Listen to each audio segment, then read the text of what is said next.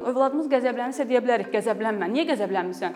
Lazım deyil. Belə bunları yox, əvəzində deyə bilərik ki, qəzəblənmən çox normaldır. Qəzəb hissi yaşayırsan, bu ə, hamının başına gələn bir şeydir, qəzəblənmirsən. Amma davranış şəklin düzgün deyil. Təpikləyirsən ə, stolu, divanı, ə, yerə ayaqlarını çırpırsan, qışqırırsan, bu düzgün deyil.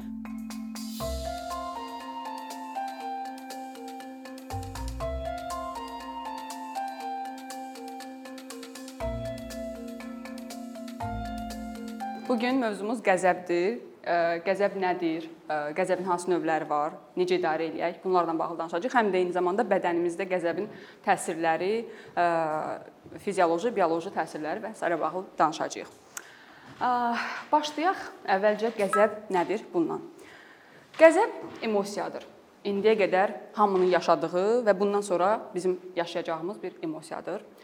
Həmçinin qəzəb yüngül qıcıqlanmadan şiddətli hiddətə yəni coşmaya, partlamaya qədər dəyişən emosional vəziyyətdir. Qəzəb həm də qəsdən bizə zərər verdiyini düşündüyümüz kiminsə, şəxsin, yaxud da obyektin belə deyək, kiməsə və nəyəsə qarşı düşmənçiliklə xarakterizə olunan bir emosiyadır. Bəs qəzəbin dilimizdə ifadəsi. Bəs qəzəb sözünü ümumiyyətlə biz necə ifadə edə bilərik? Nəyə görə qəzəbin dilimizdə ifadəsi vacibdir? Çünki biz nəyəsə qarşı mübarizə aparırıqsa, birinci onu adlandırmalıyıq. Və görək Azərbaycan dilində biz qəzəblənəndə hansı sözlərdən istifadə edirik. Ümumiyyətlə mən bunları araşdıranda, qəzəblə bağlı, qəzəbin ifadəsinə bağlı kəlmələri, feilləri və s. araşdıranda gördüm ki, biz ümumiyyətlə onların demək olar ki, çoxunu istifadə eləmirik. Bizdə var, amma istifadə eləmirik. Biz adətən qəzəblənmə, acıqlanma, özündən çıxma, yəqin ki, bilmirəm, siz bəlkə başqalarını istifadə edirsiniz, amma nələr var? narazılıq. Çünki dedik ki, qəzəb narazılıqdan başlayır, yüngül narazılıqdan və şiddətli partlamaya qədər gedə bilən bir duyğudur, emosiyadır. Narazılıq, qeyri-məmnunluq, incimə, hirslənmə, özündən çıxma, coşma, partlama, cin atına minmə. Yəni in, inanmıram ki, burada aramızda hansımızda cin atına mindim sözünü istifadə edək. Yəni yəqin əsərlərdə qalıb artıq bu kəlmə. Kükrəmə, coşma, qıcıqlanma və s. Həmçinin onların feilləri bunlardan istifadə eləyirik. Bəs dünyada qəzəb problemi hansı yerdədir? Dünyanın emosional vəziyyəti necədir? Qalıb bununla bağlı davamlı müntəzəm olaraq araşdırmalar aparır, sorğular keçirir. Mən əvvəlki illərə dəyməyəcəm, vaxtımız çünki çox məhduddur. 2021-22-nin nəticələrini sizinlə paylaşmaq istəyirəm. Deməli qalıb sorğunu necə keçirir? 6 səhv eləmirəmsə duyğu üzrə, emosiya üzrə sorğu keçirir dünyanın mindən 100-dən çox ölkəsində üzr istəyirəm. Hər ölkədə 1000 respondent və bu respondentlərin yaşı da 15 yaşdan və yaş və yuxarıdır. Və onlardan soruşur ki, sizdən sorğu keçirdiyimiz gündən bir gün əvvəl qəzəblənmisinizmi? Qəzəb duyğusunu yaşamısınızmı? Siyahı başda olan ölkələrin siyasətini sizinlə paylaşmışam. Livan, Türkiyə, Ermənistan, İraq, Əfqanıstan, İordaniya, Mali və Sierra Leone. Bu ölkələrə baxanda nə görürük? Livan 2020-ci ildə səhv eləmirəmsə, Livan 20-də yoxsa 21-də Livanda partlama baş vermişdi. Sonra Türkiyənin sosial-iqtisadi, siyasi vəziyyəti hamımıza məlumdur. Ermənistan, Azərbaycan və Ermənistan arasında olan Qarabağ konflikti də yəni hazırda həll olunmuşdur. Keçmiş konflikt də 2020-ci ildə müharibə də təbii ki, Ermənistandakı qəzəb səviyyəsinə təsir göstərib. İraq, Əfqanistan, Yordaniya gördüyümüz kimi, bu siyahıda gör siyahıdan gördüyümüz kimi hansı ölkələr daha çox qəzəblənir, hansı ölkələrin sakinləri daha çox qəzəblənir? O ölkələrin ki, orada sosial-iqtisadi problemlər belə tüğyan eləyir və yaxud da fəlakətlər baş verir, hansısa partlayışlar baş verir yəni ölkənin inkişaf səviyyəsi ilə, səviyyəsinin aşağı olması ilə yəni daha və problemləri ilə qəzəb səviyyəsi belə deyək düz mütənasibdir. Qəzəb səviyyəsinin yüksəlməsi. Nə qədər çox problem varsa, o qədər çox qəzəb var. Bunu nəyə görə paylaşmışam? Ona görə paylaşmışam ki, biz qəzəblənəndə, partlayanda özümüzü günahlandırmayaq həmişə. Çünki bu heç də həmişə bizimlə bağlı bir problem deyil.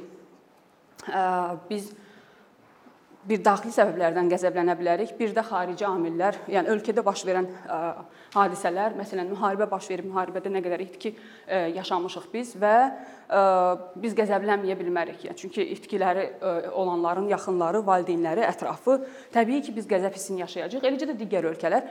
Siyahıda görürsüz ki, Azərbaycanın adı yoxdur. Sadəcə mən təxmin eləyirəm ki, o da yəqin bu sıralardan birində olardı. Bəlkə də bilmirəm, bəlkə də olmazdı. Müharibədən sonra bəlkə də olmazdı. Nəyə görə yoxdur? Çünki aparılmayıb Azərbaycanda. Yəni data tapmadım mən Azərbaycandan bağlı. Bəs qəzəb hissi necə yaranır? Qəzəb hissinin necə yaranmasını yaranmasına bağlı danışmamışdan əvvəl mən bizə əvvəlcə bir beynimizi paylaşmaq istəyirəm. Bu bizim beynimizdir. Və beynimizin belə mən mənim tibb təhsilim yoxdur, onu deyim əvvəldən. Burada kimsə tibb təhsili varsa, yəni ola biləcək səhvlərə görə üzr hesab eləsin. Mən sadəcə loru dildə istifadə eləmişəm, belə deyək. Bu belə götürək. Beynimizin hardasa burdan aşağısı, bunu da sayıram bu bu hissəni. Burdan aşağısı bizim emosional vəziyyətimizə cavabdeh olan hissədir. Oradan yuxarı hissə isə rasional hissədir. Yəni bizim düşünməyimiz, analiz etməyimiz üçün cavabdeh olan hissədir beynimizin. Bura deyirik biz nə? Prefrontal korteks, bura isə deyirik aşağı beyin və bizə lazım olacaq burada amigdala. İngiliscə buna amigdala deyirlər. Azərbaycan dilində mən tələffüzünü tapa bilmədim. Güman edirəm ki, amigdala deyirik. Və bir də hipotalamusa diqqət eləməyinizi sizdən xahiş eləyirəm. Sonra ora da qayıdacağıq. İndi qayıdaq əvvəlki hissəyə. Ümumiyyətlə digər duyğular kimi qəzəb də həm zehnimizdə, həm də bədənimizdə yaşanır və qəzəbləndiyimiz zaman kompleks fizioloji hadisələr baş verir, bioloji və fizioloji hadisələr baş verir. Nə olur? Duyğular beynimizin bayaq dediyim gicgah payında, burada. Amigdala burada yerləşir və bizim iki gicgah payımız olduğuna görə iki dənə amigdala var və o balaca badam formalı bir şeydir. Beynimizin balaca badam formalı olan hissəsidir və bizim duyğularımız oradan başlayır. Bizim emosiya mərkəzimiz amigdaladır. Okay? Emosional mərkəzi beynimizin o hissədir. Sonra amigdala nə edir? Amigdala beynimizin bizim üçün ə, təhlükələri aşkar edən hissəsidir. Yəni bir təhdid var, təhlükə var. Amigdala anında qərar verir ki, burada təhlükə var və fəaliyyətə başlayır və elə effektiv şəkildə fəaliyyət göstərməyə başlayır ki, məhsuldar şəkildə e, fəaliyyət göstərməyə başlayır. Bayaq burada dediyim bu prefrontal korteks bu hissə e, fəaliyyətə keçməyə imkan tapmır. Yəni düşünməyə imkan tapmırıq. Anında amigdala işə düşür və biz nə edirik? Bədənimiz artıq başlayır buna reaksiya verməyə. Yəni belə döyüşə hazır vəziyyətə gəlirik və nə olur? Partlama yaşayırıq. Qəzəblənirik, özümüzdən çıxırıq. Yəni təhlükə dedikdə mən hansısa nə bilim göydən raket gəlir və yaxud da şir bizə hücum edir, orada şir görürük. Təkcə bunu nəzərdə tutmuram. Kiminləsə konflikt yaşayanda həmin adamın artıq bədən dilindən, nə bilim əllərinin düyünlənməsindən, dişinin qıcıqlanması, qıcamasından, səsinin yüksəlməsindən də biz amigdala bunu təhlükə kimi qəbul eləyir və fəaliyyətə keçir və biz nə oluruq özümüzdən çıxırıq və reaksiya verməliyik. Artıq bədənimiz buna reaksiya verir. Yəni dediyim odur ki, qəzəbləniriksə, bunun günahını atırıq amigdalanın üstünə. Yox, belə eləmirik. Təbii ki, belə eləmirik. Qəzəbləniriksə, bunu idarə etməyin yolları var və bunu biz öyrənə bilərik. Sadəcə belə deyim, bu Birinci bizə çox süni görünə bilər bu yolları tətbiq eləmək. Deyə bilərsiniz ki, bu işləməyəcək falan, amma elə deyil. Hər şey vərdişdən asılıdır. Məsələn, sizə bir misal çəkim. Təsəvvür eləyin ki, hər gün bir dostunuzla söhbət eləyə-eləyə meşəli, meşəli, çəmənliklə gedirsiniz və o qədər oradan gedirsiniz ki, artıq cığır yaranır oradan, o otun içi ilə, belə otların içi ilə cığır yaranır. Və siz artıq o qədər öyrəşmisiniz ora ilə gəzməyə. Gəzirsiniz, gəzirsiniz o yolla və danışan başını söhbətə qarışanda da oradan gedirsiniz yenə. Ya çünki vərdiş eləmisiniz buna, düzdür? Beynimiz vərdiş e, vərdişləri öyrənən e, bir orqandır. Yəni belə bir mürəkkəb orqandır. Onu demək istəyirəm. Amma səhərsi gün istəyirsiniz ki, bezdiz o yoldan, istəyirsiniz heç o yoldan getməyəsiniz, ürəyiniz sıxılır. E, fikir verirsiniz artıq ki, yox gəl bu yolla gedək. Başlayırsınız o biri yolla getməyə. Bir gün fikir verirsiniz, iki gün fikir verirsiniz, üç gün fikir verirsiniz. Dördüncü gün yenə söhbət elə-elə avtomatik nə edirsiniz? Başlayırsınız təzə cığırla getməyə. Nə deməkdir? Yəni biz vərdişləri özümüzdə vərdişləri yarada bilərik. Yəni bu mümkündür. qeyri-mümkün deyil. Ümidsizləşməyək, onu demək istəyirəm. Gicgah payı dediyim bayaq, yəni özümdə göstərdim, buna ehtiyac qalmadı. Deməli, bəs qəzəbin orqanizmimizdə yaratdığı hansı fəsadlar ola bilər? Fəsad deməyə də bilərik. Yəni fəsad olmaya da bilər. Yəni hansı bizdə necə göstərir qəzəb özünü? Göz bərəlir, göz bəbəklərimiz bərəlir, böyüyür ya da üzümüz qızarır, əllərimiz tərləyir, ayaqlarımız əsir, ürəyimiz döyməyə başlayır, amma biz bunu kənardan görmürük. Təngi nəfəs oluruq, təngi nəfəs oluruq. Sonra bəlkə səntirləyirik ya da ürəyimiz gedir. Ən pis halda ürəyimiz də gedir hətta. Yəni belə də ola bilər. Nə qədər qəzəblənməyimizdən asılıdır bu təbii ki. Yəni burdan da göründüyü kimi qəzəbin bədənimizdə yaratdığı fizioloji və bioloji dəyişikliklər var. Fizioloji dəyişikliklər bayaq dediyim bizim gözlə gördüyümüz dəyişikliklərdir. Bunu hamı görür. Bioloji dəyişikliklər nədir? Bioloji dəyişikliklər həm bizim beynimizdə, hormonlarımızda, həm də e, digər orqanlarımızda baş verir. Yəni necə baş verir? Qəzəblənirik və simpatik sinir sistem, sistemimiz və əzələ sistemimiz nə edir? Fiziki hücuma qarşı, yəni fiziki dediyim, yəni hücuma qarşı belə deyək, buna fiziki hücum deməyək, hücuma qarşı fəaliyyətə hazırlaşmış vəziyyətə gəlir və nə olur? Ürəyimiz başlayır şiddətlə döyünməyə, qan dövranımız, qan təzyiqimiz yüksəlir, əzələlərimiz gərilir, hiss edirik ki, əzələlərimiz gərilib. Və Artıq ə, nə baş verir?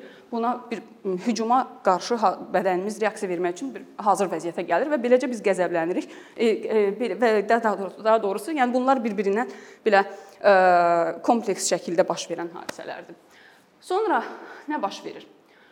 Hormonlar səviyyəsində dəyişikliklər baş verir bədənimizdə nə olur? Adrenalin, noradrenalinin miqdarı qanımızda artır, bədən daha doğrusu beynimizdə artır və sonra hipotalamus bayaq göstərdim, təzədən ora qayıtmıram. Beynimizin ümumiyyətlə beynimizdə duyğuların fiziki təməli hipotalamusda qoyulur və nə olur qəzəblənərkən hipotalamus sinir hüceyrələri beynimizə siqnallar göstər göndərməyə başlayır, təhlükə siqnalları ki, təhlükə var.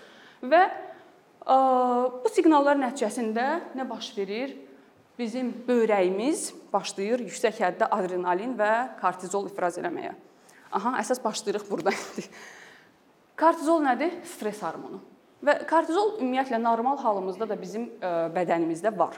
Və bu nəyə cavabdehdir? Bu bizim təzyiqimizin normalda saxlanmasına, tənzimlənməsinə cavabdeh olan hissəsidir. Daha doğrusu hormondur kortizol. Amma qəzəbləndiyimiz halda isə nə baş verir? Kortizol başlayır sürətlə ifraz olunmağa, artıq bədənimizdə kortizolun miqdarı hədsiz dərəcədə artır. Və davamlı şəkildə kortizol artıqlığı yaşayan insanlarda, yəni davamlı şəkildə qəzəb pozğunluğu, qəzəb partlamaları yaşayan insanlarda nələr baş verir? Nə baş verir? Kortizolun çoxluğu nəticəsində yuxu pozğunluqları baş verir, konsentrasiya pozulması baş verir, çəki artımı baş verir, menstrual dövranda pozulmalar baş verir sonra təzyiq təzyiqimiz yüksəlir, yüksək təzyiq hipertoniya rast gəlinir. Və hətta mütəmadi olaraq biz yorğun oluruq, yatmaq istəyirik, yuxumuz gəlir. Bu kortizol bunu bizə edir. Pensilvaniya Universitetinin nevrologiya və psixiatriya departamentinin rəhbəri Leonardo qəzəbin dağıdıcı təsirləri ilə bağlı araşdırma aparmışdı və araşdırmanın nəticələri e, mən orada ədəbiyyat siyasi qeyd eləmişəm, istəsəz baxarsınız özünüz. Nəticələrinə görə hipertoniyaya səbəb ola bilər bu kortizol çoxluğu və buna baş verir. Axılda gətir gətirib çıxarır insulta, beyin arteriyasının partlamasına və insulta gətirib çıxarır. Bunu paylaşmaqda məqsədim o demək deyil ki, hamınızda mütləq insult olacaq. Hamınız qəzəblənəcəksiniz, axırda sizdə insult baş verəcək. Sadəcə Bunu paylaşmaqda e, paylaşmaqla sizə göstərmək istəyirəm ki, biz qəzəblənərkən özümüzə nələr edirik əslində. Qəzəblənəndə bir saniyə bir fikirləşək heç olmasa ki, mən özümə nə edirəm? Həmçinin qəzəblən qəzəb obyektimə nə edirəm? Qarşı tərəfə də nələr edirəm? Ona görə də e, bunu bilmək vacibdir təsirlərini. Bəs qəzəbin növləri hansılardır? Biz dedik, qəzəbin idarə olunması. Bu demək deyil ki, biz qəzəblənməməliyik. Qəzəbin idarə olunması O deməkdir ki, biz qəzəblənə bilərik və ancaq bunun sağlam yolu var. Yəni ə, partlama ə, yaşamadan da qəzəblənmək olar. Bayaq dediyim kimi emosiyadır və ə, və partlamamız da normaldır. E, daha doğrusu qəzəb hissi yaşamamız da normaldır. Qəzəbin ümumiyyətlə növlərini araşdırarkən mən yəni 3 ən sadə bölgü 3 ən yuxarı, ən çox bölgü 17-dir. Mən sadəcə vaxtı qıtlığına görə ancaq 3 üç ən sadə bölgünü götürdüm. Birinci qəzəbin növü passiv aqressiv qəzəbdir. Passiv aqressiv qəzəb nədir? Biz açıq şəkildə qəzəbimizi göstərmirik. Hətta özümüz də qəzəbli olduğumuzu qəbul etmirik. Nə edirik? Ya qəzəbləndiyimiz halda susuruq. Bir çoxlarınız yəqin bunu yaşayırsınız.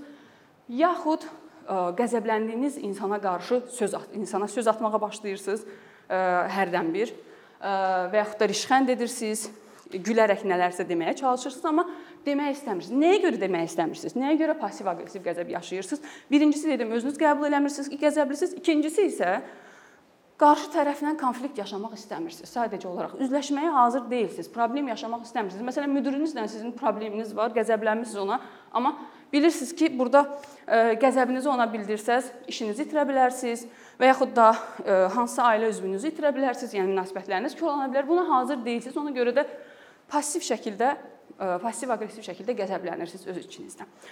Bunun ən bariz nümunəsi WhatsApp storylər və yaxud da Instagram storylərdə biz görə bilərik.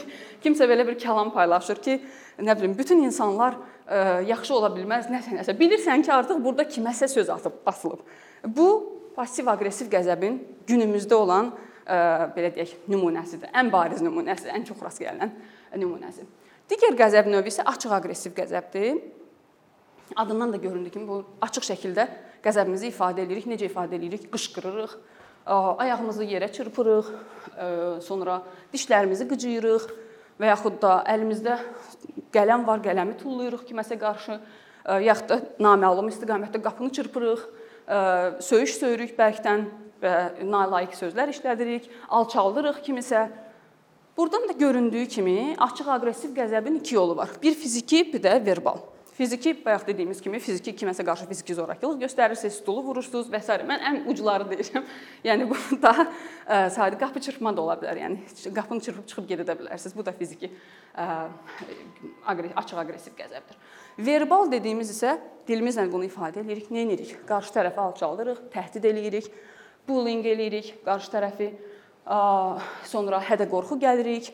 Hmm, və yaxud da yenə dediyim çox nalayiq sözlər işlədirik qarşı tərəfə şəxsiyyətini və s. alçaldırıq. Bu verbal şəkildə ifadə olunan qəzəb növüdür.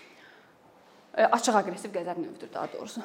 Və bizə maraqlı olan əsas qəzəb növü assertiv qəzəb deyirik biz buna.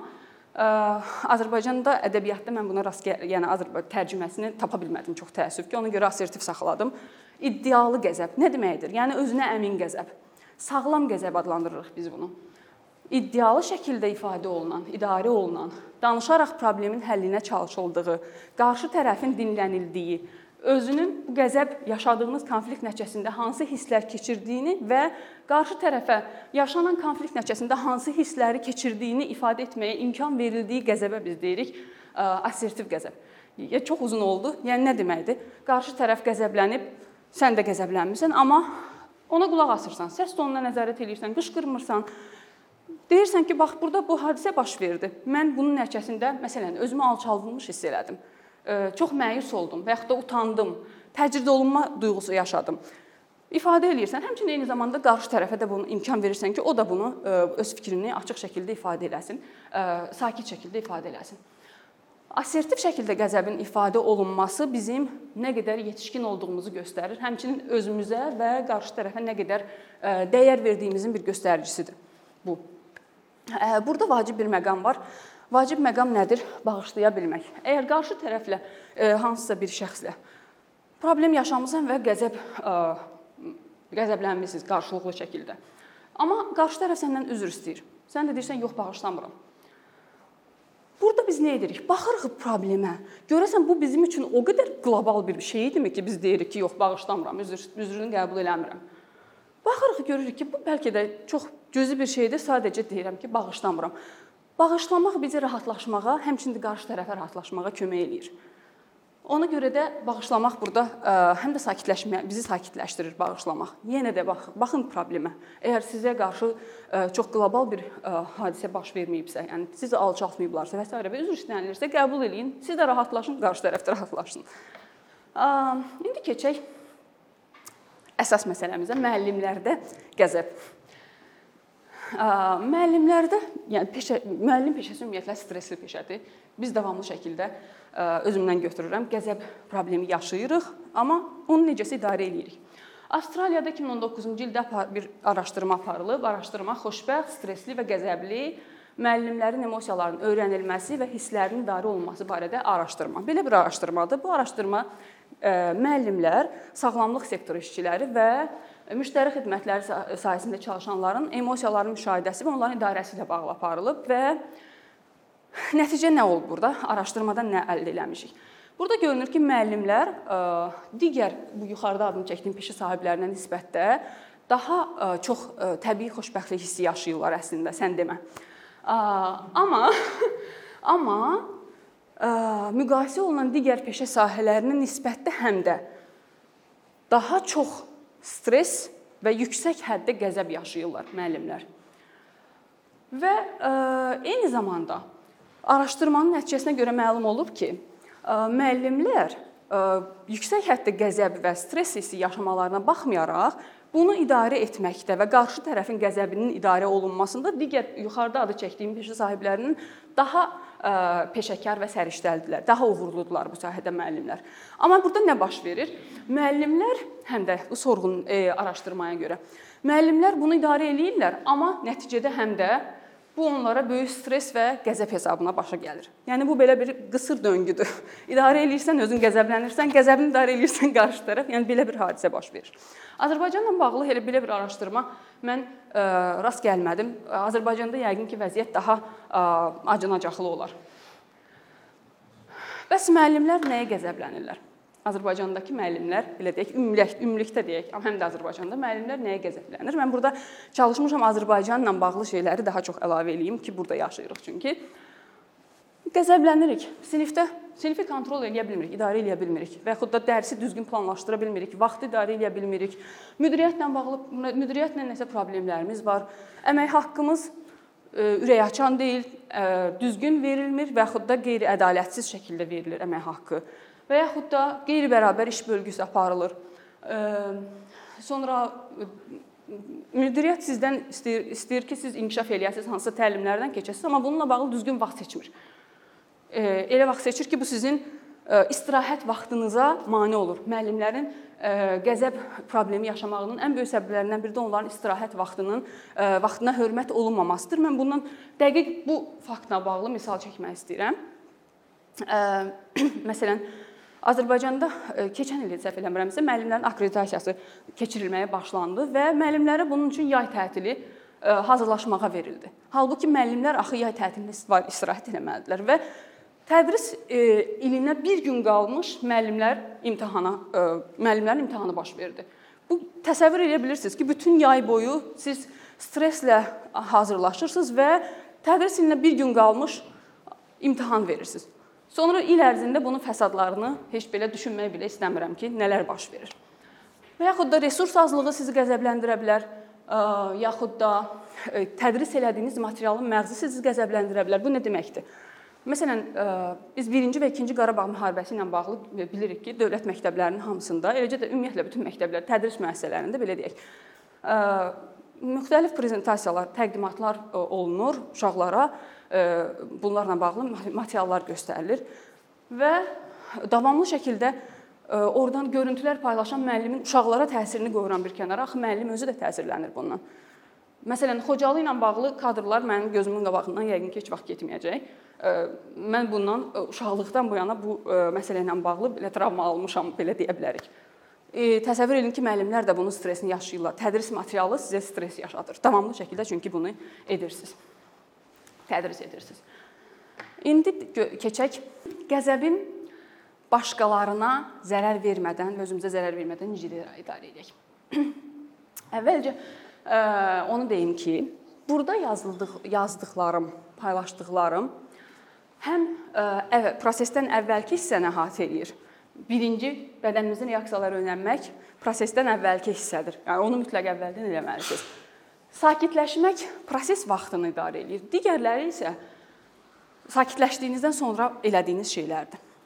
Və bir də onu deyim ki, əgər siz müntəzəm olaraq qəzəb partlamaları yaşayırsınızsa, bu sizə kömək eləməyəcək.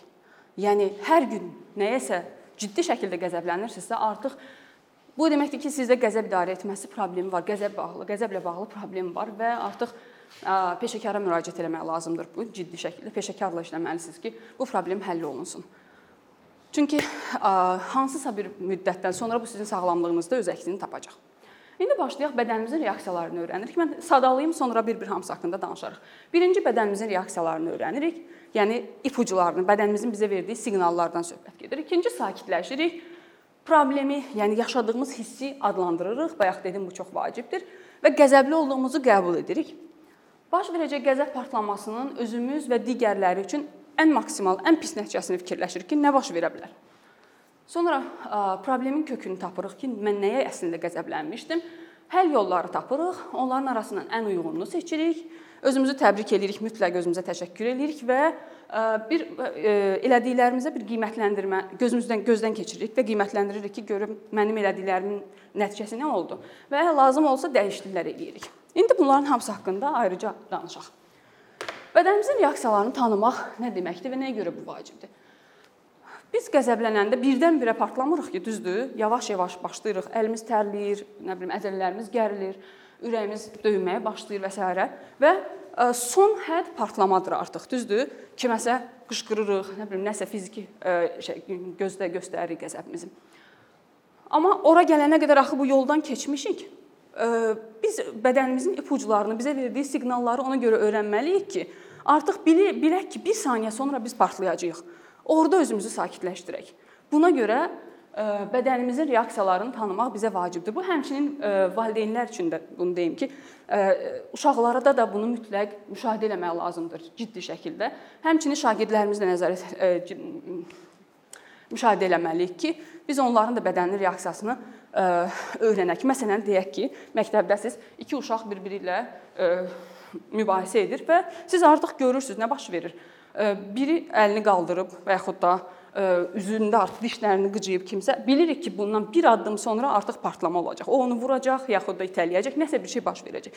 Bunları bilmək üçün, bunun qarşısını almaq üçün mütləq reaksiyaları müşahidə etməliyik, həm özümüzdə, həm də digərlərində. Sonra dediyimiz sakitləşmə hissəsi, necə sakitləşirik? Ümumiyyətlə sakitləşməklə bağlı sinifdən söhbət gedir burada artıq. Eləcə də ailədə övladınla bağlı münasibətdə də bunları eləmək, tətbiq eləmək olar və onu da deyim ki, bunların demək olar ki, hamısı mənim özümdə işləyən, özümün yoxladığım yollardır. Mən bütün texnikaları paylaşmamışam. Ancaq məndə işləyən texnikaları paylaşmışam ki, faydasını özüm görmüşəm, siz də görəsiniz. Birinci sinifdə qəzəblənmişik. İlk addım bilirik ki, partlama yaşayacağıq 1-2 saniyə sonra məsələn deyirəm. Uzaqlaşırıq. Hara uzaqlaşırıq? Təbii ki, e, sinifdən çıxıb getmək kimi bir lüksumuz yoxdur. Qapıya yaxınlaşa bilərik. Tez qapıya yaxınlaşırıq, üzümüzü çeviririk. Qapıya yaxınlaşa bilmirik. Vaxtımız yoxdur buna. Nəsə bilmirəm. Qapıdan direktor keçir, istəmirsiniz ora yaxınlaşasınız. Pəncərə var. Pəncərəyə yaxınlaşırsınız. Anında 1 saniyə sinfi nəzarətsiz qoysanız orada heç bir dünya dağılmayacaq, narahat olmayın. Pəncərəyə yaxınlaşırsınız, nəfəs alırsınız. Pəncərədən nə gəlir? Oksigen gəlir təbii ki. Oksigenin ə, üzr istəyirəm. Beynimizi amigdalanı sakitləşdirməsi ilə bağlı ə, xeyli sayda araşdırma var və bu oradan gör, yəni ona görə də oksigen bizim üçün vacibdir. Həm də vaxt qazandırır. Vaxt qazandırmada nə olur? Ə, biz artıq düşünməyə başlayırıq. Yəni amigdala sakitləşir, prefrontal korteks işə düşür və sakitləşirik. Digər məsələ, hə, sinifin qapısına çıxa bilmədiniz. Ola bilsin ki, oradan bir müəllim keçir, kolleqanız keçir. Ondan xahiş edə bilərsiniz ki, 5 dəqiqə içəridə mən çıxım, gəlirəm. Yəni sinifi 5 dəqiqə başqa müəllimlə qoymaq, qoymaq daha yaxşıdır. Nəinki ə, sinifdə uşaqlarla ə, uşaqlara qarşı böyük bir əsəb partlaması yaşamaq və nəticəsinin yaxşı olmayacağı bir ə, hərəkətlər, hərəkətsizliklər etmək. Sonra sayma ən yaxşı ə, vasitələrdən biridir. Nə edirik? Bilirik ki, artıq yenə də deyirəm, Bu sizə çox belə gülməli və banal görünə bilər bəlkə də, amma vərdiş halına çevrələndən sonra çox yaxşı da bunlar işləyir. Avtomatikləşir artıq bizdə. Sayırıq. Necə sayırıq? İstə istəsək ürəyimizdə saya bilərik. Məsələn, uşaqlarla burada əslində onlara tapşırıq vermisiniz. Beyninizdə sayırsınız. 10, 9, bərkdən yox. 8. Buna vaxtınız yoxdursa 10-dan başlamayın, 3-dən başlayın, 4-dən başlayın, amma sayın. Bu kömək eləyəcək. Amma e, istəyirsiniz sözlü sayasınız. Onda pəncərəyə yaxınlaşıb saya bilərsiniz. Təsir eləyir. Nəyə görə? Çünki vaxt qazanırıq. Vaxt qazanmaq da nə deməkdir? Amigdala sakitləşir. Prefrontal korteks reaksiya verməyə imkan tapır. Yəni ona görə də biz sakitləşirik. Yəni sakitləşirik nə demək? Nə, nə, nə mənada sakitləşirik deyirəm? Yəni həmin vaxtda partlamanı yaşamırıq. Təbii ki, sonra o hisslər qalır, tam sakitləşmirik, amma partlamırıq. Uşaqlara qarşı qəzəbimizi tökmürük. Digər bir məsələ nəfəs almadır. Çox yaxşı işləyir. Bir çox nəfəs alma texnikaları var. Bununla bağlı özünüz də araşdırma edə bilərsiniz. Mən sadəcə üçünü burada qeyd etmişəm. Biri şir nəfəs almasıdır. Digəri dərindən nəfəs alıb vermə və o biri isə burun dəlikləri ilə belə növbəli nəfəs alma. Üzr istəyirəm.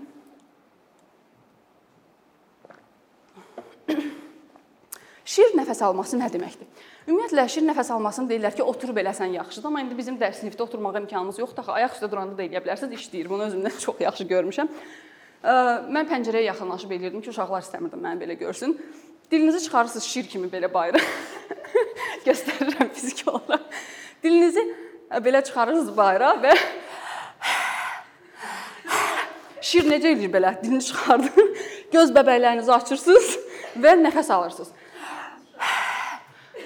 Sizi inandırıram ki, çox gözəl işləyir. Yəni özümdə dəfələrlə sınadığım çox gözəl texnikadır nəfəs alma texnikası. Sonra dərindən nəfəs alıb vermə. Dərindən nəfəs alıb vermə belə bu deyil. Dərindən nəfəs alma Məsələn, e, istəyirsiniz 4-ə qədər sayın, istəyirsiniz 3-ə qədər. Baxın, vaxtınızı hesablayın. Bir də hansı yaş qrupunda olduğunuzu hesablayın. Məsələn, e, təsəvvür eləyin ki, bağça uşaqları ilənsiniz, amma siz 10-dan başlamısınız saymağa, nəfəs alırsınız. Yox, buna vaxtınız yoxdur. 3 idealdır. Məsələn, belə nə edirsiniz? Ürəyinizdə mən gedə bilmirəm o qədər. Ürəyinizdə 3-ə qədər sayırsınız və yaxud da 4-ə qədər sayırsınız. Sonra bayıra buraxanda da havanı ilə nəfəs aldınız. Buraxırsınız və e, təxminən 3-4-ə qədər sayırsınız, sakitləşdirəcək sizi. Amigdala sakitləşəcək, çünki prefrontal korteks işə düşəcək. Sonra nə edirik? E, digər nəfəs alma texnikası burun dəliklərimiz mən sizə göstərim.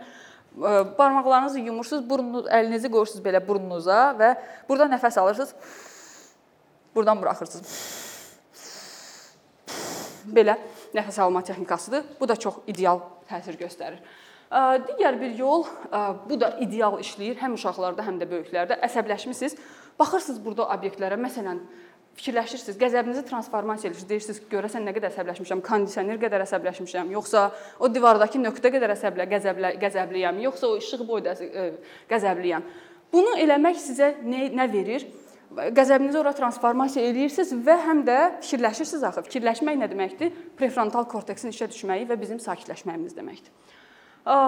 Sonra ürəyimizdə və əlimizin altına məndə həmişə nələrsə olur əlimin altında çəkirik. Nə qədər qəzəblənmişəm. Məsələn, belə-belə qaralayırsınız, nöqtə qoyursunuz. Təxminən bu dairə çəkirsiniz ki, bu qədər qəzəblənmişəmmi? Öz övladımda da sınadığım və %100 işləyən bir texnikadır bu.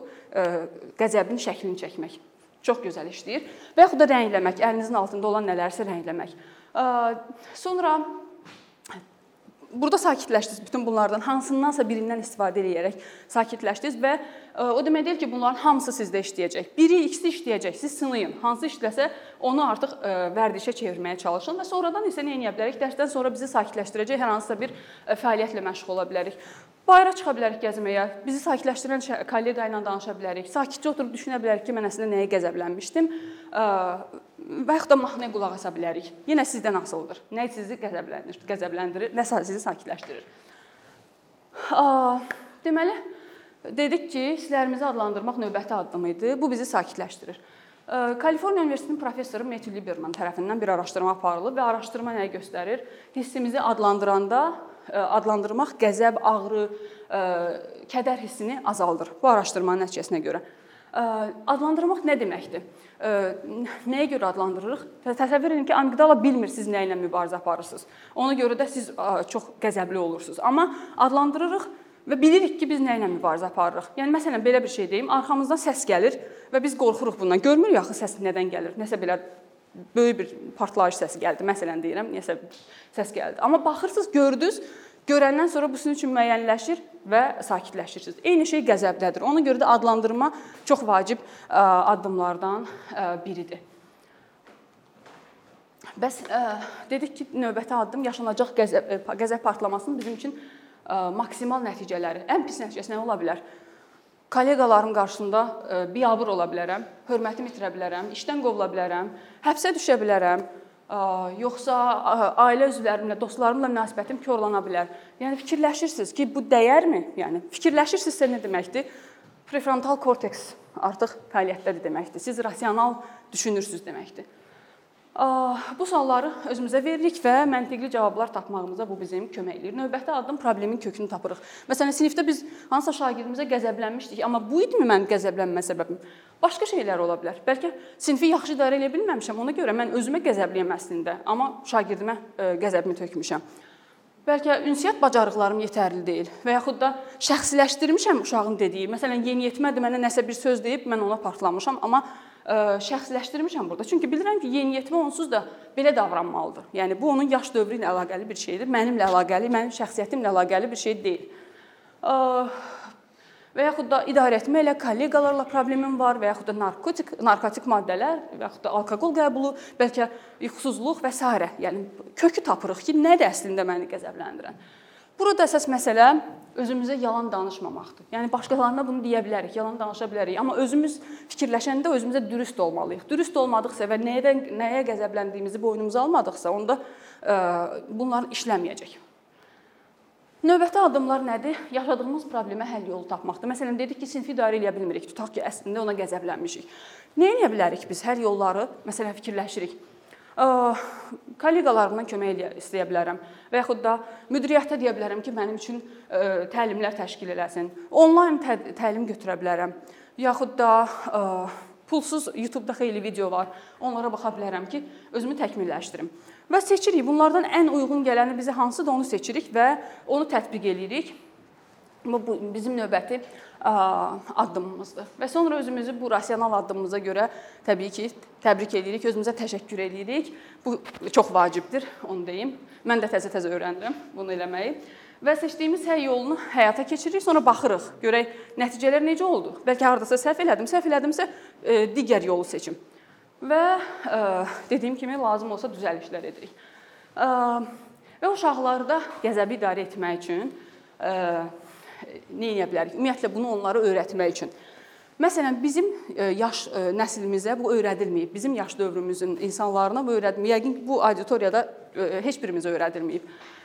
Uşağı müşahidə etməkdən başlamaq lazımdır. Birinci, evdə yaxud da məktəbdə işləyirsənsə, uşaqları da müşahidə etməkdən bayaq dediyim ki, onun qəzəb anında hə, bədənində nələr, nə dəyişikliklər baş verir ki, biz vaxtında müdaxilə edə bilək. Sonra uşağı diqqətlə dinləmək lazımdır və hisslərini inkar etməmək və küçümsəməmək şərti ilə. Bu nə deməkdir? Məsələn, sizin övladınız gəlir yanına deyir, yanınıza deyir ki, ana balığım öldü. Məsələn, siz də deyirsiniz ki, əşi balıqdır, ana sənə təzəsini alar. Nə edirsiniz? Siz uşağın yaşadığı hissin əslində doğru olmadığını deyirsiniz ona. Yəni deyirsən ki, sən yalan bir şey yaşamısan və ə, və küçümsüyürsən onun hissini.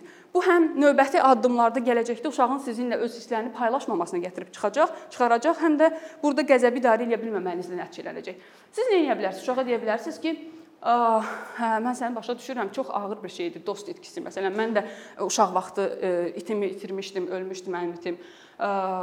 Siz nə nəsə dedikcə uşaqda artıq amigdala sakitləşir və o sizinlə söhbətə başlayır. Söhbətə başlayır nə deməkdir? Prefrontal korteks işə düşür deməkdir. Və deyir, sonra dialoqu belə davam elətdirə bilərsiniz. Sonra hisslərin adlandırılması bayaq dediyim kimi böyüklərdə necə uşaqlara da bunu öyrətmək vacibdir. Çünki uşaqların fiziki sağlamlığı ilə yanaşı emosional sağlamlığı da bizim üçün vacib şərtlərdən biri olmalıdır. Necə adlandırırıq? İndi burada sizə göstərim. Azərbaycan dilində bunu tapa bilmədim, üzrlü sayın. Belə bir lüğət hazırlaya bilərik. Bu nə deməkdir? Emosiyalar və hisslər lüğəti. Bunu hazır mən tapmışam. Siz də tapıb altını silib Azərbaycan dilində yaza bilərsiniz. Məsələn, narazıyam, indi əsəbiyəm, qəzəbliyəm, qorxuram və s. Ya da ki, bunu özünüz də hazırlaya bilərsiniz. Özünüzün üzünüzdə belə qəzəbli, xoşbəxt hisslər belə ya da belə şeylər eləyib şəklinizi çəkib, onu kəsib yapışdıra və divarda poster kimi asıb istifadə edə bilərsiniz ya da uşağınızın şəklini eləyə bilərsiniz. Bunu bir yerdə əyləncəli bir fəaliyyətə də çevirə bilərsiniz. Və e, beləcə biz həm e, situasiya olanda və uşağımız orada hansı qəzəb partlaması yaşayanda biz ona deyirik ki, indi sən nə hiss keçirmisən?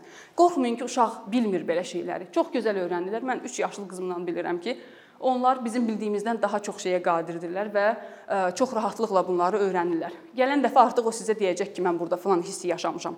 Çünki bilir artıq bunu. Sonra hisslə davranış arasındakı fərqi uşaqlarımıza mütləq öyrətməliyik, övladlarımıza və şagirdlərimizə. Bu nə deməkdir? Biz övladımız qəzəblənirsə deyə bilərik, qəzəblənmə. Niyə qəzəblənmirsən? Lazım deyil. Belə bunları yox, əvəzinə deyə bilərik ki, qəzəblənmən çox normaldır. Qəzəb hissi yaşayırsan, Bu ə, e, hamının başına gələn bir şeydir, qəzəblənmirsən, amma davranış şəklin düzgün deyil. Təpikləyirsən ə, e, stolu, divanı, ə, e, yerə ayaqlarını çırpırsan, qışqırırsan, bu düzgün deyil. Bunu ə, öyrədə bilərik uşaqlara. Yenə də deyirəm, sizə çox gülməli gələ bilər və bilər deyirsiniz ki, bu uşaq bunu eləməyəcək, amma elə deyil. Bir dəfə, iki dəfə, üç dəfə vərdişə çevriləndən sonra çox rahat şəkildə uşağınız bunu eləyə biləcək. Növbəti axırıncı addımı, əslində bu axırıncı, əvvəlinci nə vaxt istəsəz də eləyə bilərsiniz. Belə bir termometr yarada bilərsiniz. Bu nədir? Qəzəb termometri. Mən ən sadəsini paylaşmışam sizinlə. Qəzəb termometrini özünüz də düzəldə bilərsiniz, internetdən tapıb çap eləyə də bilərsiniz.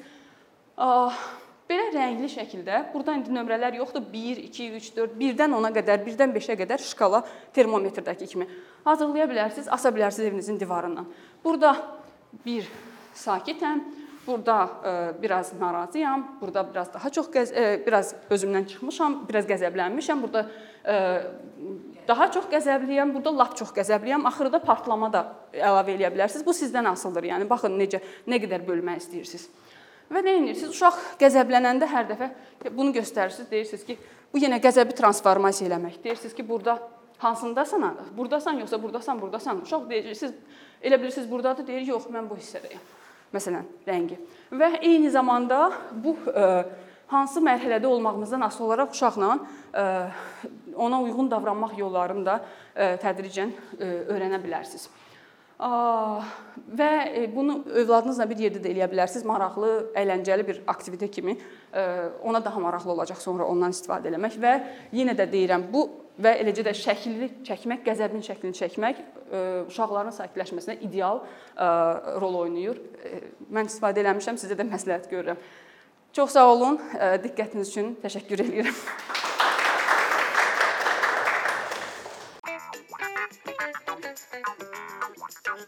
Thank you.